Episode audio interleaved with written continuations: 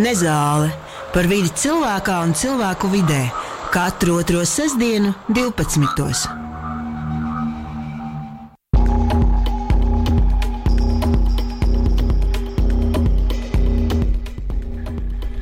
Sveiciens Nezālē, sveiciens šajā varbūt pēdējā saulainajā rudens dienā.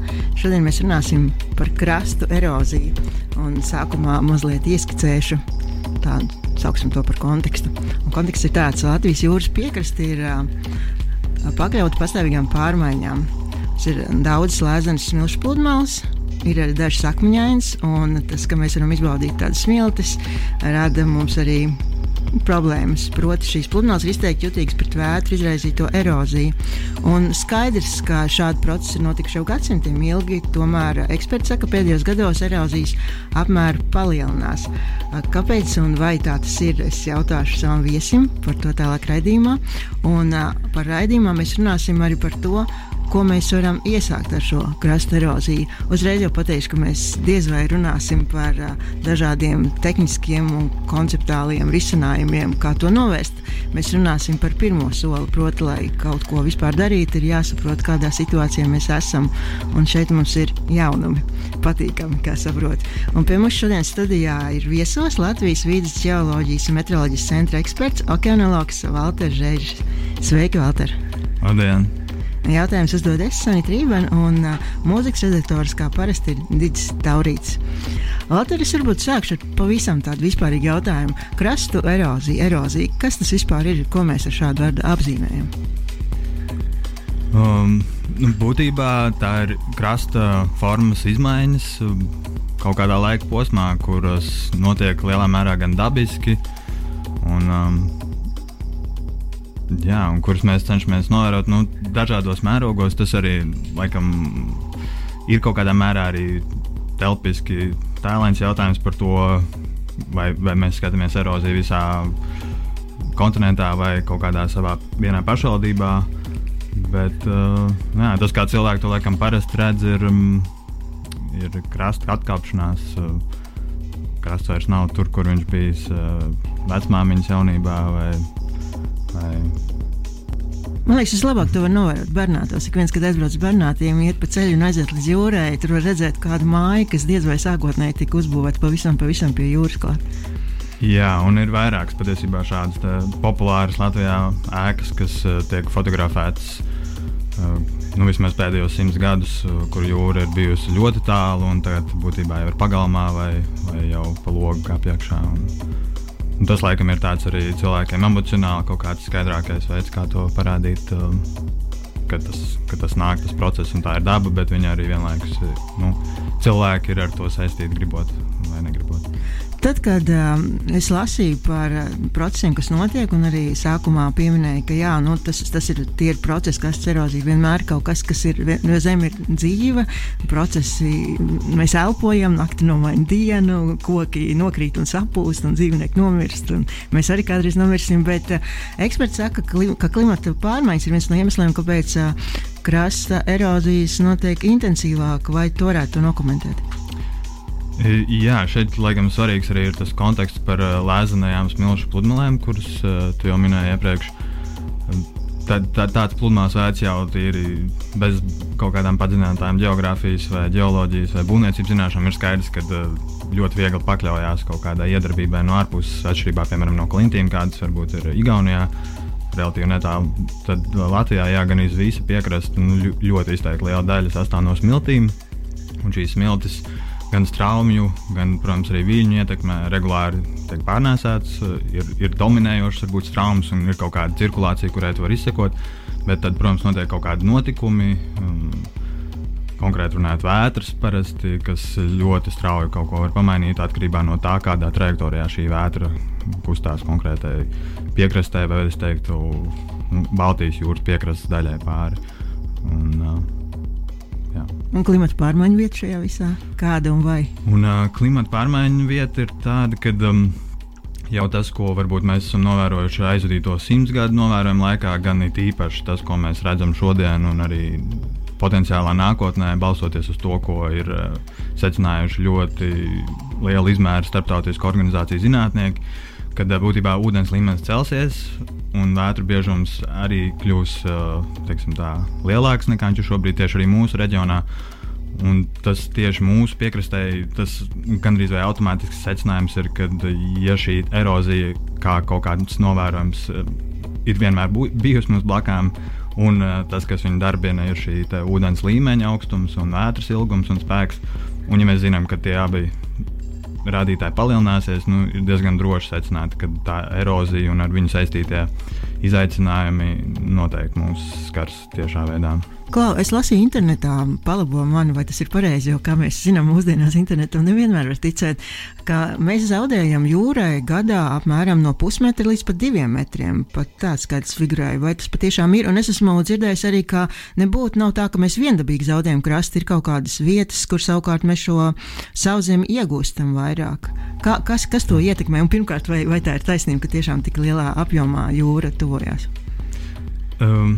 Jā, tas uh, viens vai divi metri kādā konkrētā vietā, tas nav nekas nereāls. Tas var būt viens vētras rezultāts, tas var būt arī gadu laikā sakrājusies kaut kāds uh, attālums teiksim, no bijušas līdz esošai piekrastē. Bet, um, kā jau minēji, jā, tas process ir dabisks, un ja kaut kur tās smilts tiek aizskalotas, kaut kur citur viņas tiek uzskalotas. Nu, nav tā, ka smilts vienkārši izkūp, viņas kaut kur pazūd kaut kur viņas tiek izklāstas. Pēc tam tālāk parasti tas gan ir nu, dziļāk projām no krasta, bet, protams, arī ar krastu šīs traumas ar uh, sanešiem ir pietiekami intensīva, lai arī šis uzkrājums veidotos. Nu, būtībā arī varbūt atgriežoties pie paša sākuma šim tam. Uh, Vai Latvijā ir ļoti akūta šī problēma šobrīd?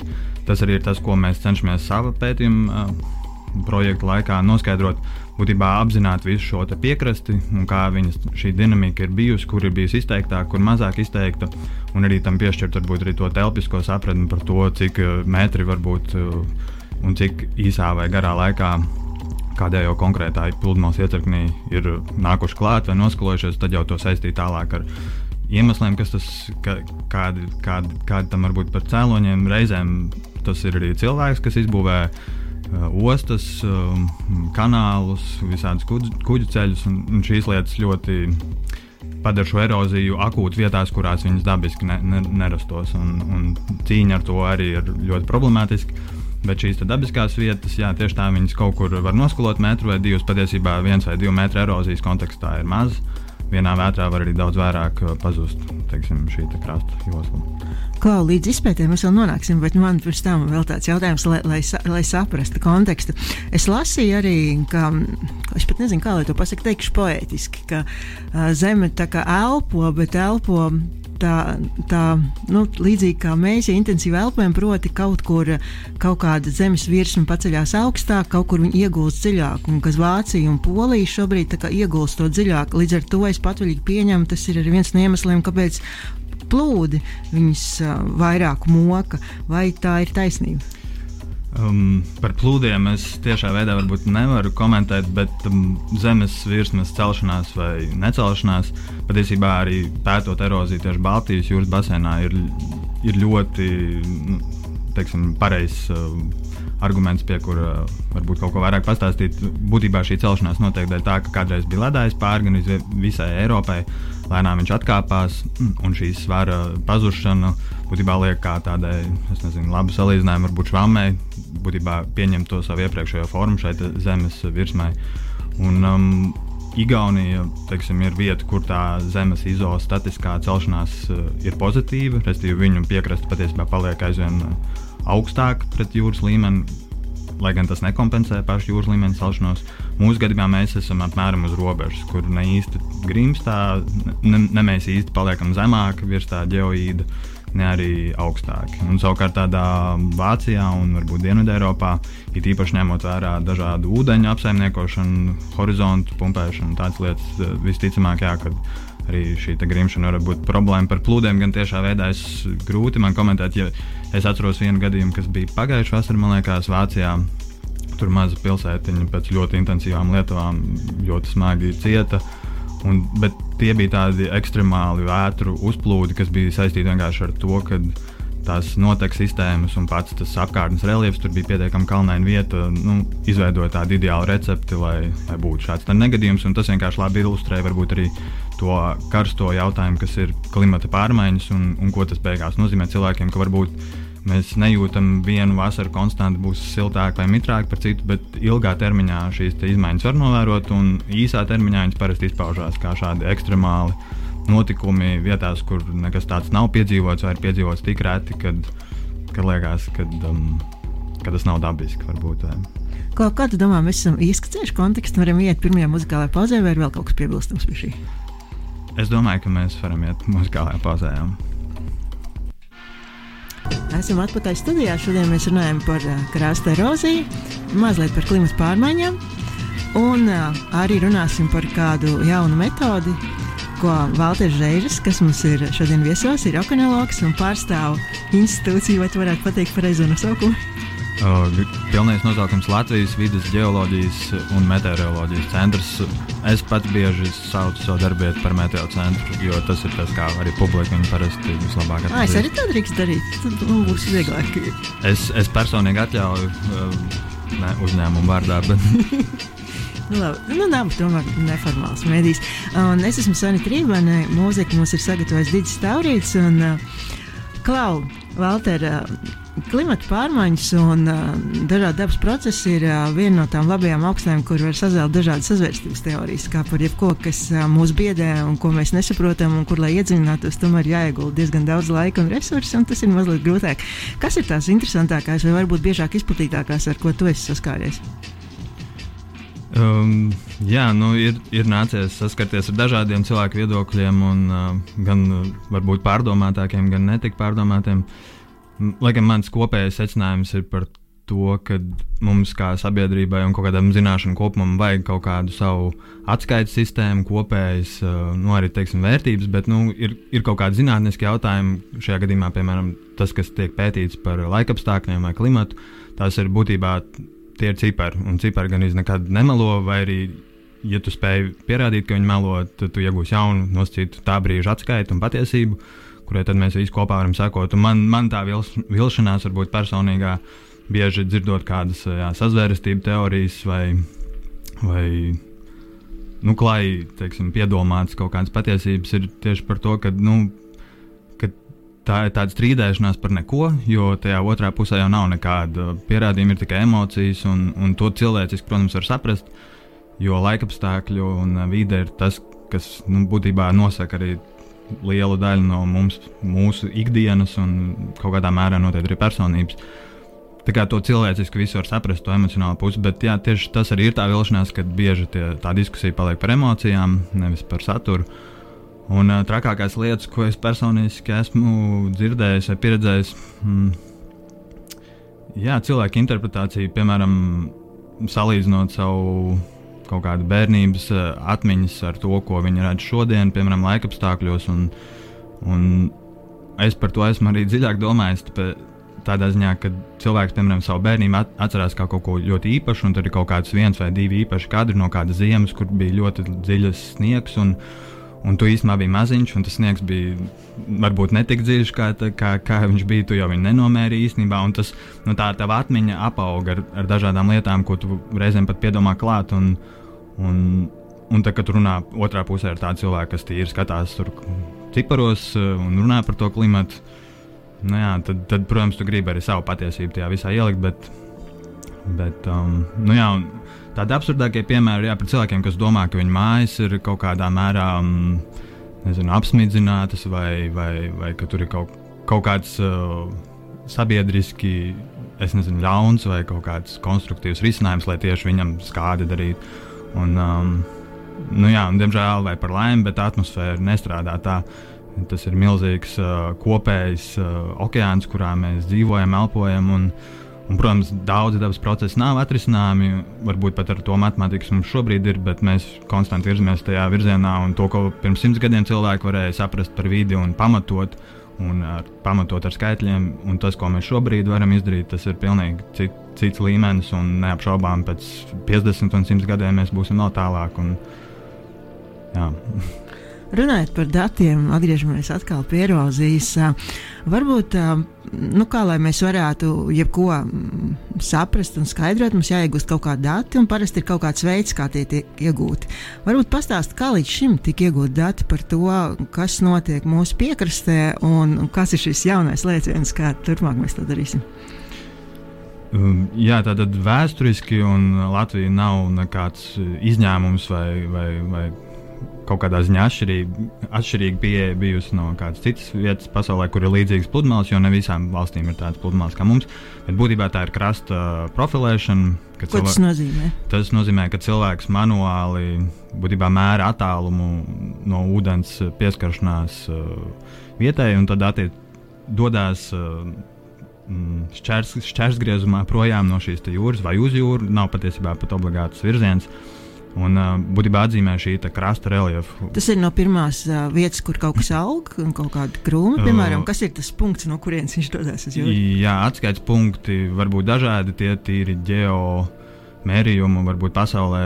Tev ir jāpiesaista šis tav, tavs punkts, no kuras sāc mērījumu, tev ir jāpiesaista kādai koordinātu sistēmai. Mūsu gadījumā parasti tā ir Latvijas koordinātu sistēma varbūt arī citas, ja izmanto tur varbūt kaut ko citu. Bet būtībā jā, tev vajag, ir nepieciešams izveidot vietu, kurai tu zini precīzi lokāciju, precīzi augstumu virs jūras līmeņa, kurš ir aprēķināms arī matemātiski un pierādāms, ka jā, tieši tik daudz ir šis zemes pielikšanās spēks apakšā, lai pateiktu, ka šis ir tas augstums un tā vieta. Un tu esi pārliecināts par to. Un tālāk jau no šīs vietas tu dodies, nu, visticamāk, uz jūru, jo diez vai tu no no jūras dziļuma šo mērījumu veiksi. Un, uh, būtībā tu veici šī, šī te, uh, reljefa mērījumu, kurš izpaužās kā profils, līnija, kas tev parāda, cik stāvs varbūt ir krasts, uh, cik augsta ir kāpa. Ir krasta morfoloģijā ir vairākas reliefa formas, kuras var izdarī, izdalīt. Ir pludmale, ir priekškāpa, ir augstākā kāpa. Latvijā ir arī viņu sauc par augstāko bangu. Viņa nesen ir ieguvusi arī ministra kabineta apstiprinātu uh, juridisku spēku, jo šo vietu izmanto um, pašvaldības. Um, lai noteiktu, kas ir bīstama vieta, pie kuras tu nedrīkst būvēt uh, savu māju vai varbūt kaut ko citu attīstīt. Un kas varbūt ilgtermiņā arī domājot par to, kā valsts var būt, un uh, ne, ne tikai valsts, bet arī kā mēs kā sabiedrība skatāmies uz šo erozijas problēmu, kad, ja kādam cilvēkam pieder šāds īpašums, ir jādomā, nu, ka, kas notiek. Kā, kā ar to rīkoties, ir īpaši tad, ja ir potenciāls, ka viņam šis īpašums paliks mazāks, nedod Dievs viņam māju vēl nosklos. Un kaut kā valstī ir jāspēj ne tikai šo faktu secināt vai prognozēt, varbūt, bet arī kaut kādu rīcību spēju un, attiecīgi, arī likuma spēku pie, piedēvēt kaut kādām jā, nu, cik, formām. Nu jā, var cikot agrāk, agrāk darīt. Tā, un, un kas varbūt ir tas, nu, ir kaut kāda trūkuma šajā metodē? I, Kāpēc jūs esat tik jā. priecīgi par to jauno metodi? Jā, galvenais uh, izaicinājums šajā metodē būtībā ir cilvēks uh, un resursi, kas ir jāiegulda katram cilvēkam šādu vienu profilu veikt. Pieņemot, ka tu nedzīvo pludmalē, kurā tu veic šo profilu, tas nozīmē aizbraukt uz turieni, atrast šo kontrolas vietu, nu, šo atskaites punktu vai pašam viņu izveidot. Un tad veikt šo profilu, visu to savadīt savā tabulās, ja vēl tālāk mēs domājam, tu gribētu noteikti arī digitalizēt šos mērījumus, veidot kādas datubāzes. Un, uh, lai to telpiski pārklātu visu Latvijas pludmali, kas ir 500 km jēgpilni, nu, e, pieņemsim, ka tas būtu jādara reizi 10 km. Un uh, vēlēs arī regulēt šos mērījumus, jo nav jau jēgas nomērīt vienu mērījumu un tad desmit gadus šo vietu neapskatīt. Un tas būtībā tas, tas, tas, tas nav cilvēka darbs, tas ir komandu vai komandu drīzāk. Ja, ja tas funkcionētu un tam būtu jāfunkcionē, tad visticamāk tās būtu piekrastes pašvaldības, kurām būtu konkrēti cilvēki, kas ar šo nodarbojās, ikdienā veic šos mērījumus un tad veido šo datubāzi. Nu, jā, tas arī ir galvenais trūkums. Tas ir ļoti laikietilpīgi, un nevienmēr šādu resursu varbūt, ieguldīšana ir jēgpilna. Tad, um, tad mēs nonākam pie tā lielā paziņojuma, kas ir mainījies. Mainījies laikam galvenā lieta, kas ir uh, mainījusies mūsu pieejā, varbūt ir tā telp, telpiskā, ka mēs skatāmies uz, uh, uz visu Latvijas piekrasti. Un ka mēs kā datus izmantojam satelīta novērojumus, un, un patiesībā tas arī ir tas, kas ir mainījies. Jo pirms 50 gadiem vai kaut vai 20 gadiem šāda brīvpieejas datu kops, kas regulāri veic monitoringu ne tikai visā Latvijā, bet būtībā globāli pārklājumu un pāris dienu atkārtošanu no šiem mērījumiem. Nu, šādas datu kopas vienkārši nekad nav bijušas, un tagad šādas datu kopas ir pieejamas. Patiesībā arī šie datu ražotāji, kas kādreiz varbūt datus turēja, neteikšu slepenībā, bet kom, kā komerciāli produkti, arī šīs datu kopas daudzas kļūst par tā saucamo open source. Attiecīgi ir aizvien vairāk datu, no kuriem kaut kādu informāciju izņemt laukā. Un, jā, un varbūt otra lieta, kas mainījusies tīri tehniski, ir arī mm, programmatūra un varbūt arī sapratne, ka, kā šos datus vispār apstrādāt, ko no viņiem var iegūt. Um, varbūt senākais un daudziem, es gribētu domāt, zināms, tāds satelītu saime ir Lancet, kas uh, publiski vāc datus jau no 70. gadiem, pieder nu, Amerikas uh, geoloģijas dienestam. Bet ilgu laiku viņš šos datus vāca. Es neteikšu vākšanas pēc, bet tu vēl īsti nezināji visu, ko ar šiem datiem pēc tam varēs izdarīt. Un tagad viņiem ir savācies ļoti ilgs šis arhīvs, un, uh, un tie pielietojumi šiem datiem aizvien atrodas jauni. Arī mūsu gadījumā šīs, te, ko mēs cenšamies veikt, erozijas monitorings vai novērtējums, es neteiktu, ka tas kādreiz nebija iespējams. Vienkārši tie dati nebija pietiekami bieži, pietiekami kvalitatīvi, lai, lai tas būtu arī jēgpilns virziens, kurā skatīties. Un, Skaidrs, ka arī mūsu metodē ir ierobežojumi, bet ir arī daudz ieguvumi vislielākajā mērā jau noteikti šis, ka nav kādam cilvēkam konstanti kaut kur jādodas, kaut kas jāmēra. Kad viss būtībā šī informācijas iegūšana ir balstīta uz automātisku datu ieguvi, apstrādi un tālāk jau analīzi. Protams, cilvēks tur ir tajā visā iesaistīts mūsu gadījumā, veidojot šo sistēmu un domājot, kā, kā, kā lietas strādās, kas nestrādā, kas, kas labāk strādā. Veidojot arī datu bāzes, domājot, kā to analizēt, kā to cilvēkiem parādīt, ir vizuālā veidā. Jo tas arī ir liels patiesībā izaicinājums. Tā ir vesela trešdaļa no šī projekta. Ir izdo, nu, ne gluži izdomāt, bet nu, parādīt cilvēkiem to, kas ir izdarīts, izskaidrot to visu. Un padarīt arī publiski pieejamu, kur jebkurš cilvēks šo informāciju var apskatīt un, un arī izlasīt par to, kā šī informācija ir radusies un ko viņš pats ar viņu var iesākt. Un pēc tam jau tālāk arī ļoti iespējams izdomāt savu tālāku pielietojumu tam, kā, kā piemēram pašvaldības vai varbūt kādas. Uh, īsāk sakot, tam, tam, tam, tas ir vēl nākamais solis, turpinot šo ķēdīti, kā, kā dati tek uz leju. Nu, tā, tā viņa sauc downstream data processing, ir kaut kāda pirmā līmeņa dati. Un, un tu aizvien vairāk un, un tālāk kaut ko atvasini no šiem datiem. Protams, tur ir daudz pieņēmumu un arī daudz matemātikas apakšā. Bet, uh, nokļūstot pie kaut kādiem jauniem atklājumiem, tev reizēm parādās vēl kaut kādas durvis, kuras tu nemaz nezināji, ka tu meklē, un tu nezināji, ka tur, ka tur atrodas. Kā tu pieminēji vārdu projekts, vai tas ir starptautisks projekts, ir iesaistīts vairākas valsts, vai tas ir kaut kas tāds ļoti lokāls un tikai Latvija to dara? Jā. Tātad uh, projekts um, notiek uh, vides attīstības, vides aizsardzības un reģionālās attīstības ministrijas paspārnē. Projektu finansē Norvēģu finanšu instrumentu, teiksim, tāds uh, avots. Uh, viņi Latvijā, un ne tikai Latvijā, daudzās attīstības vai jaunatīstības valstīs, un ne tikai arī uh, finansē dažādu veidu mm, teiksim, nišu jomu attīstību, kas pamatā ir domāta, lai attīstītu cilvēku resursus, tas nozīmē prasmes un zināšanas. Mūsu gadījumā uh, projekts ir zem. Um, klimata pielāgošanās un nākotnes scenāriju uh, aplūkošanas teiksim, tematikas. Un, uh, jā, būtībā mūsu projekts saucās erozijas monitorings Latvijā, izmantojot tālus pēc. Bet tas ir kā, nu, tas, ko es gribēju jautāt, vai tas ir kaut kas, kur ir starptautiskā kaut kādā tīklā, vai, vai, šis, vai, vai tur Kā... Nē, šo pašu projektu mēs veicam iekšēji, mm. tikai meteo centrā, relatīvi neliela darba grupiņa jā, mums ir iespēja komunicēt ar kolēģiem no ārvalstīm, un patiesībā gan šajā klimata jomā, gan arī jūras datu jomā tā komunikācija regulāri ir ar, arī ar kolēģiem no kaimiņu valstīm, un arī neobligāti tieši kaimiņu valstīm. Tādēļ, ka šīs jomas pašas par sevi ir diezgan nišas katrā jau valstī, piemēram, Latvijā vai, vai, vai Lietuvā, bet arī tādēļ, ka šie lielie datu centri parasti mm, pūļa sourcing vai kā to crowdsource, būtībā šo dara. Pūļu finansēšanu. Jā, pūļu finansēšanu izmanto, bet nevis varbūt kā finansējuma iegūšanu, bet kā tieši zināšanu un spēju. Būtībā Dāņu meteo centrs kaut ko ļoti labi prot labāk nekā Norvēģijas meteocentrs, bet Norvēģijas meteocentrs kaut ko citu prot labāk nekā Dāņu. Un šī sadarbības tādā veidā arī aug, lai mēs visi vienkārši nokļūtu pie labākiem datiem. Tā kā kaut kādā ziņā, jā, tas ir starptautiski, un arī šos rezultātus, protams, mēs rādām uh, ārpus uh, ne tikai saviem kabinetiem, teiksim, Latvijas mērogā, bet arī, arī Baltijas jūras mērogā. Un, un, uh, jā. tā kā teiksim, tā kaut kādā projekta faktiskajā ietvarā tas nav starptautiski, bet praktiski jā, visticamāk, ka ir. Kā um, balstoties šādiem datiem, ir iespējams arī. Nu, Protams, prognozes vienmēr tāda, tāda sarežģīta joma, bet ir iespējams arī prognozēt kaut kādas iespējamas attīstības vektorus. Es domāju, ka tas, ko mēs šobrīd darām, ir tāds pirmais solis, lai to varētu darīt. Mm, par šo piemēram, krastu mm, nostiprināšanu vai kaut kādu ilgtermiņa plānošanu, kas notiks ar kaut kādiem konkrētiem nogriežņiem. Šis ir noteikti svarīgs informācijas avots, kas būs pieejams un kaut kādā mērā jau ir šobrīd pieejams.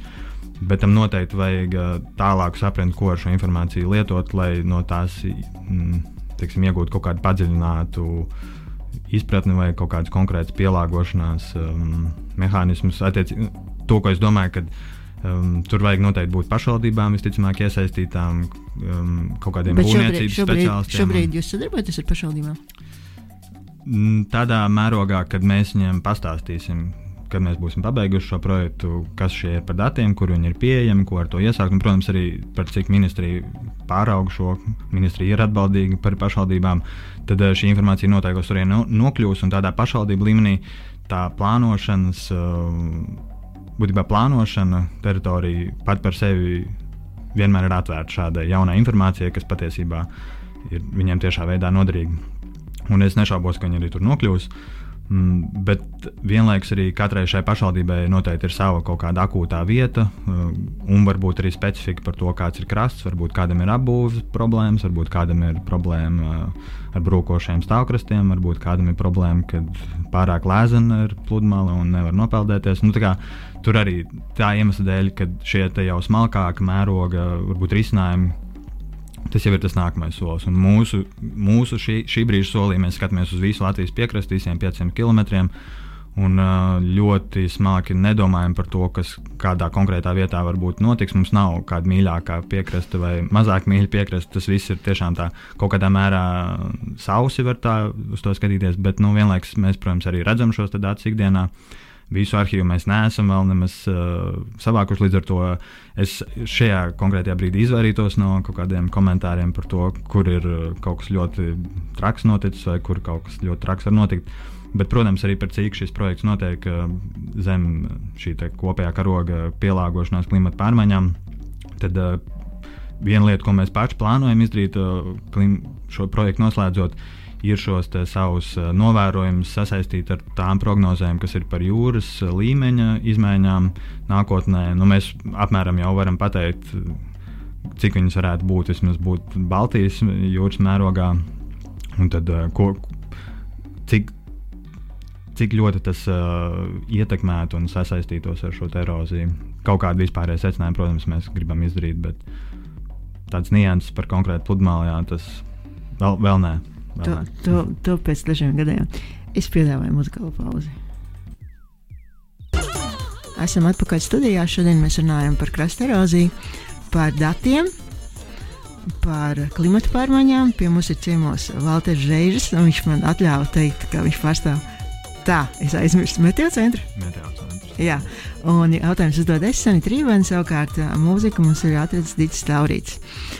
Nu, krasta erozija. Tagad uh, visi, arī tu, dārgo radioklausītāji, un es, mēs zinām, ka tagad mums ir iespēja datus iegūt jau mūsdienīgākā veidā, izmantojot uh, modernās tehnoloģijas, ne tikai cilvēkus, kas pieraksta, ejot uh, vienkārši pa krastu. Bet, nu labi, ir um, klimata pārmaiņas, ir uh, jūra, viļņi, mums ir mūsu skaistās mušanas pludmales un uh, sauszemē atkāpjas, vai vispār mēs kaut ko varam uh, pasākt, lai mūsu teritorija pēc kāda laika vispār nenogrimst zem jūras, un arī citās Eiropas valstīs? Varbūt ir kāda pieredze, vai arī mums vienkārši jāpaceļ rokas gaisā un jāsaka, labi, jūra ņem mūs. Jā, nu, es domāju, tas ir ļoti labs jautājums, un Baltijas jūra ir ar plašu pieredzi šajā ziņā, ko darīt, uh, lai pasargātu sevi no, no vidas ietekmes, tīpaši erozijas kontekstā. Mm, Latvija nav tā varbūt aktīvākā valsts, izbūvējot kaut kādas aizsarga būnes vai kaut kādas dziļūdens risinājumus, lai pasargātu no viļņu ietekmes vai kaut kādiem paaugstinātiem ūdens līmeņiem, ar varbūt atsevišķiem izņēmumiem, bet nu, lielākās teiksim, invazīvās būvis, kas Latvijā ir, tās ir uh, ostu moli, kas iestieps pietiekami dziļi. Uh, iekšā atklātajā jūrā un būtībā sākt maisīt šo dabisko um, smilšu sanešu cirkulāciju. Un attiecīgi rada vietas, kur erozija tiek pastiprināta šo būvju ietekmē. Varbūt arī kaut kādas atsevišķas vietas, kur uh, šī erozija uh, tiek vērsta pretējā virzienā un norises akumulācija vairāk pastiprināta. Um, Latvijā pārsvarā izplatīti, un man arī personīgi liekas, ļoti labi risinājumi ir uh, šie, kā viņus varētu nosaukt, neinvazīvie. Būtībā pašā jūrā nekas netiek būvēts, nekādas uh, milzīgas būves vai projekti tam netiek um, īstenoti. Bet tās ir pašu kāpu sargāšana, apstādīšana, varbūt kaut kādas vēja sētiņas, kas tiek būvētas vienkārši, lai noturētu šo smilšu materiālu tur, kur viņš šobrīd ir jau piekrastē, un uh, rēķināties ar to, ka pati šī krasta josla mūs pietiekami pasargās to, kas aiz viņas tālāk atrodas, un viņi būs pietiekami um, nu, es neteikšu nocementējusies, bet pietiekami kaut kādā mērā sablīvējusies, lai viņi arī būtu pati par sevi dabiskā veidā izturīgāki pret šo dabas uh, procesu ietekmi. Bet stāsts par liepāju, jo es lasīju, ka liepājā notekūdeņa attīrīšanas stācija arī ir potenciāli apdraudētā vietā, tad viņi tomēr iegulda resursus, lai kaut ko tur uzlabotu. Kā tu to komentē? Es domāju, ka Liepāja varbūt ir Latvijas arī mērogā tāds, laikam, varētu būt lielākais piemērs, kur uh, tiešām ir problēma ar to, ka uh, veselai pilsētai infrastruktūra ir lielā mērā apdraudēta, dzeramais ūdens un notekūdeņi. Un, uh, un šīs būvnes, kas ir izbūvētas tur pirms jau pietiekami ilgu laiku plānotas, tajā laikā noteikti neviens nerēķinājās ar, ar kaut kādām problēmām, kuras ir šodien varbūt atnākušas līdz šīs pašvaldības uh, cilvēkiem. Un, uh, jā, es zinu, ka viņi nodarbojas ar kaut kādu veidu teiksim, invazīvāku šo sargāšanu, respektīvi smilšu pienešanu klāt mākslīgi, uh, izpumpējot tur nu, kaut kādā mērā cenšoties sargāt šo, te, šo te piekrastu. Bet es patiesībā, atklāti sakot, pats nezinu nekādu tādu konkrētu nu, teiksim, konkrēta apņemšanos, ka viņi būvēs kaut kādu augstāku sienu vai vēl kaut ko. Pārsvarā tas arī ir tāds, ka risinājums, kur viņi cenšas to teiksim, status quo, lai kāds viņš arī šobrīd tur nebūtu, bet pārāk neiejaukties tajā vienkārši, lai neradītu kaut kādas neparedzētas problēmas pašu sev vai kādam citam. Kā citur Eiropā šī problēma tiek risināta, vai tu zini kaut ko par to? Jā, un um, būtībā valstis, kuras tik maz uh, pietiekami garai piekrastē izbūvēt kaut kādas aizsargu joslas. Nav tik daudz. Nu, mums priekš Latvijas varbūt labi salīdzinājumi ir tās valstis Baltijas jūras eh, krastos, kurām arī ir līdzīgas pludmales. Kā viens no populārākajiem eh, šajā tieši aizsargāšanās kontekstā, piemēram, ir Vācija. Viņi ir ļoti daudz ko darījuši, un daudz ko būvējuši, un daudz ko arī pēc tam eh, jaukuši nost. Uh, um, lai tieši ar savām smilšainajām pludmalēm un viņu kaut kādām nevēlamajām, nevēlamajām sev izpausmēm uh, cīnītos. Bieži tas ir vienkārši, lai sargātu varbūt ostu vai kaut kādus kuģu ceļus, bet viņi pietiekami daudz. Es domāju, vismaz 50 gadu vēsturē ir būvējuši gan dažādas viļņu lauzējas jūrā, gan uh, molus, aizsargmolus, sienas. Ļoti, Kas ir viļņu lauzēji? Um, viņu lauzē ir tādas arī būtībā zem uh, ūdens virsmas esošas um, konstrukcijas, kas uh, neļauj šim vilnim ar savu pilno spēku nokļūt šajā krasta zonā, kur viņš varētu ar šo savu pilno spēku irdināt uh, varbūt piekrasti vai kaut kādu stāvkrastu. Būtībā vilnis sāk lūst tad, kad viņš ir pārāk ātrs un pārāk augsts, un ja tu šo augstumu viņam strauji samazini, nu, attiecīgi uh, zemūdeni, cik, cik no jūras virsmas līdz, um, līdz jūras apakšai Tad tu viņu salauzi ātrāk, viņš sāk lūst kaut kādā atklātā jūrā un savu enerģiju sāk tur izkliedēt. Bet tas kaut kādā ilgākā termiņā rada jaunas izaicinājumus, piemēram, par to, kur šie pārējie materiāli, kas salūst pirms šī lauzē, tad tur ir atkal jātīra, vai šīs smilts atkal mehāniski vienmēr nekad nevar netīrīt, jo savādāk nav jēgas no šī vanila lauzē. Arī kas notiek, tur veidojas tālākotas lagūnas, tu sāc jau ietekmēt varbūt arī kaut kādas bioprocesus, faunas, kaut kādas veidošanos. Īsāk sakot, tas viss ir ļoti komplicēti, un tāpēc arī saka, man liekas, ka tā ne, ļoti neinvazīvā tā, tā cīnīšanās ar to eroziju un vispār jūras krasta dinamiku ir ļoti labs piemērs.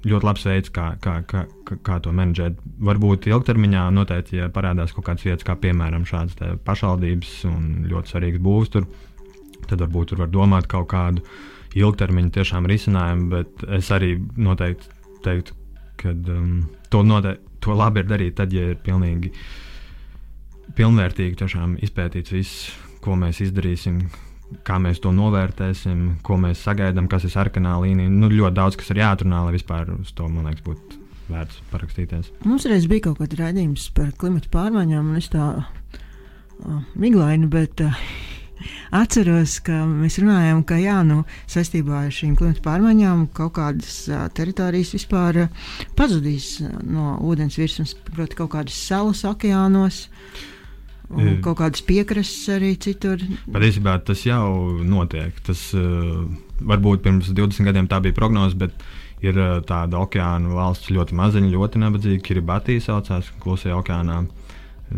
jā, nu, būtībā viņi jau tā kā ar tām prognozēm, kas mums ir, un tiem, un tā, un tiem faktiskiem stāvokļiem, kas, kas ir tagad novērojami, nu, līdz gadsimta beigām šī valsts vienkārši neeksistēs.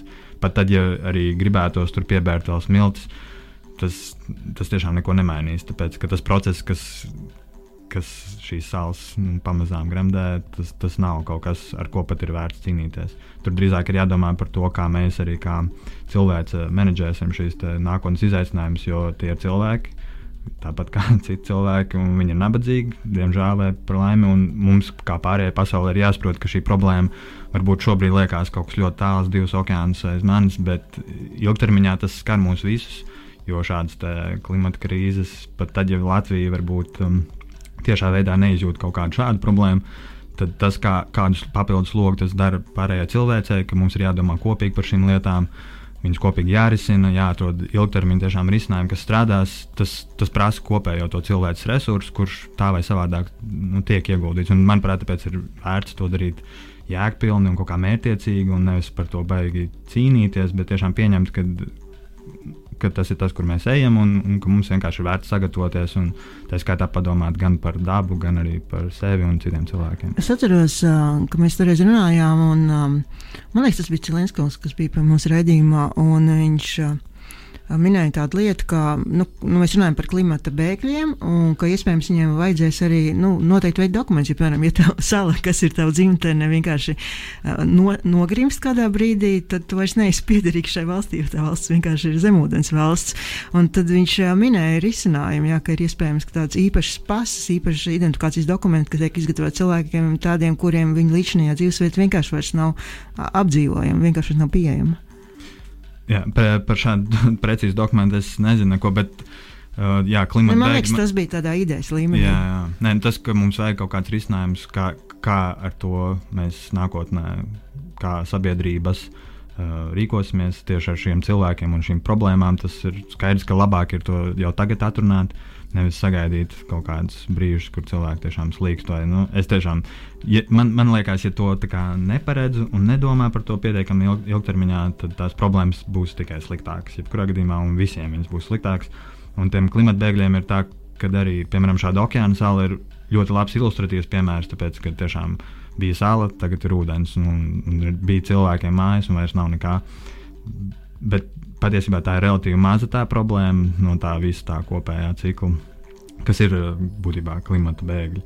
Lielākas problēmas rada sausumi ilgstoši. Cilvēki nespēja ne tikai padzerties, viņi nevar pārtiku izaudzēt, un tas ir arī milzīgi reģioni, ne tikai neattīstītās pasaules daļās, kur ir skaidrs, ka ar to, kas ir darīts pirms tam šajā apsaimniekošanā, piemēram, tur pumpēti ļoti dziļi ūdens horizonti, ka tas ir radījis tik ilgs, ilgstošu šo teiksim, atbalsta periodu, kad pat tad, ja mēs šodien vairs neko no tā nedarām, tad mēs tāpat turpināsim ciest šīs sekas ilgāku laiku. Un, uh, un tajā ziņā arī vienkārši ir jādomā, kā mēs, kā sabiedrības, menedžēsim šo gan cilvēku pārvākšanos tiešā veidā, bet arī resursu kaut, kādu, kaut kādā mērā pārvākšanu. Tātad visas pašvaldības, kas atrodas pie Baltijas jūras, jums ir daži simti gadu laika, lai šo apdomātu. Ja? uh, jā, tas noteikti ir viens virziens. Es varbūt tāda optimistiskā notīra. Es domāju, ka Baltijas jūra mums viss ir kārtībā, mums arī būs lielā mērā viss kārtībā. Jo, piemēram, labs laikam piemērs ir um, Nīderlanda, kas visu savu piekrastu spēja būtībā pilnībā transformēt savas valsts vajadzībām. Un Baltijas jūra nu, ir gandrīz ezers. Mums tā saikne ar atklāto okeānu un to tiešo ūdens līmeņa celšanos, kas tur norit un kas nav apstādināma. Patiesībā tā saikne ir ļoti maza. Un šie šaurumi ir daudz īsāki nekā tie moli un sienas, kādas ir būvētas uh, Ziemeļjūrā. Tā kā es domāju, ka, ja tas nokļūtu līdz kaut kādam tādam kraham, kur uh, sāk pazust, uh, nezinu, kurzeme vai kaut kādas polijas daļas, nu, tad man liekas, ka varbūt tas ir brīdis, kurā var pieņemt arī kaut kādu tādu ļoti brutālu, dabisku, varbūt mērogā lēmumu, bet vienkārši aizvērt to šaurumu cietu būs jaunas problēmas, bet mēs būsim atrisinājuši kaut kādu arī lēmumu problēmu. Es nesaku, ka tas ir tas, kas jādara, bet, bet es domāju, ka mums ir daudz vēl tādu drošības tīklu, kurus mēs varam pa pakļauties. Un tā skaitā mums vēl ir laiks. Es arī tieši tā, arī tādā ziņā optimistiski domāju, ka, protams, daudz kas ir nokavēts, bet, bet katru dienu, kad tu sāc ātrāk, tu, tu iegūsti vēl vienu dienu. Un, un patiesībā Eiropas mērogā un arī Latvijas mērogā šie jautājumi ir ļoti aktuāli cilvēkiem arī gan emocionālā ziņā, bet arī praktiskā ziņā. Mans projekts, varbūt mūsu projekts, ir viens no piemēriem, bet, bet ir pietiekami daudz cilvēku, kas gan par to domā, gan to risina. Un dažādos plaknēs, jā, gan, gan datu, gan arī varbūt tieši praktiskās lietās, kā menedžēt kaut kādu resursu, pieejamības izmaiņas un, un tā tālāk.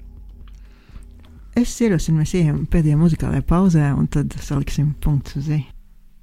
Esam atpakaļ studijā. Rīta raidījuma pēdējās minūtes kopā ar jums raidījums Nezāle. Runājam šodien par krastu eroziju, par klimatu pārmaiņām, par to, kā mūsdienīgi apkopot un analizēt datus, kā arī par to, kas varbūt notiks, bet varbūt nenotiks pēc gadiem. Miks ciemos pie mums ir Valters Žēžis, okeānologs, meteo centra pārstāvis. Vispār es pateicu. Jā, jā. un uh, raidījuma vadīja Sanita Rīvena, savukārt mūzikas redaktors Digis Taurīts.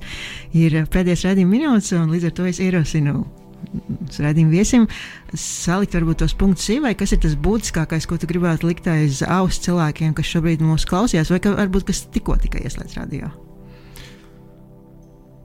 Laikam es šeit esmu, lai stāstītu lielā mērā tieši par to aktivitāti, kur mēs šobrīd veicam. Tāpēc cilvēkiem es gribētu pateikt, ka um, kad savu projektu ietvaros mēs veidojam lielu datu katalogu, kas ir domāts, lai novērtētu, monitorētu krasta procesus Latvijas visā piekrastē. Šis datu katalogs būs pieejams tiklīdz projekts būs beidzies, apmēram pēc pusotra gada. Publiski pieejams katram. Aicinu interesantus aplūkot šos datus, aicinu viņus arī aplūkot mūsu klimata lapu, jūras datu lapu. Kur var aplūkot tos datus? Eh, erozijas dati vēl nav nekur pieejami, tādēļ, ka viņi vēl ir eh, teiksim, tā, ražošanas procesā. Bet uh, dažādas klimata prognozes, ārpus laika apstākļu prognozē Meteocentrs šobrīd jau vismaz piecus gadus aktīvi darbojas ar klimata datiem, klimata scenārijiem tieši Latvijai. Un, uh, diezgan interesants rīkus esam izveidojuši kopā ar kolēģiem. Nu, patiesībā man kolēģi tieši tos klimata rīkus taisīja, tā kā ar mani tur nav tieši saistība. Bet jā, diezgan lietojams lapas. Aicinu interesantus piedalīties tajā pašā datu lietošanā, noteikti arī komentēt un stāstīt, kas jums patīk, kas nepatīk. Es ļoti atbalstu un ticu tādai lietai kā konstruktīva atgriez, atgriezeniskā saite. Mm, noteikti mēs, kā īpaši valsts, tomēr arī institūcija, esam ieinteresēti, lai cilvēki saprastu, ko mēs darām un, un arī lietot to, ko Bet mēs piedāvājam. Kur var atrast to, ko tu teici, kas ir, kas ir jāmeklē uh, Google? Piemēram, klimata datus var rakstīt Google klimata rīks un, piemēram, LVGMC. Cilvēks nokļūst noteiktajā lapā. Es pats uh, esmu gan tiešā veidā arī veidojis ir jūras operatīvo datu lapa. Tā ir paredzēta cilvēkiem, kam patīk ar laivām braukāties tieši jūrā, no jachtām. Es to domāju. Varbūt veidot kādu sacensības, tā lapa ir marīnmeteo.lv. Uh, arī, manuprāt, diezgan lietojama kā ikdienas laikapstākļu apskats. Um, nu jā, tā noslēdzot, jā, pati doma, ko mēs veicam, ir izmantot satelīta datus. Lai pētītu šo eroziju, lietojam ģeoģis ap aplikācijas un paši veidojam savus arī software versijas, lai šos datus gan izveidotu, apstrādātu, publicētu, analizētu, vizualizētu. Um, jā, tā kā laipni aicināti. Paldies, Valter! Atgādinu, ka nākamajā sestdienā klausieties mūsu kolēģis raidījumu Zotēku. Savukārt mums varat piesakot Instagram vai Facebook. Un mūs var pēc tam klausīties ne tikai uh, LSM arhīvā un Latvijas radio arhīvā, bet arī uh, podkāstu formātā, gan Spotify, gan uh, visur citur, kur podkāsti ir pieejami. Tad nu, tikšanos pēc divām nedēļām.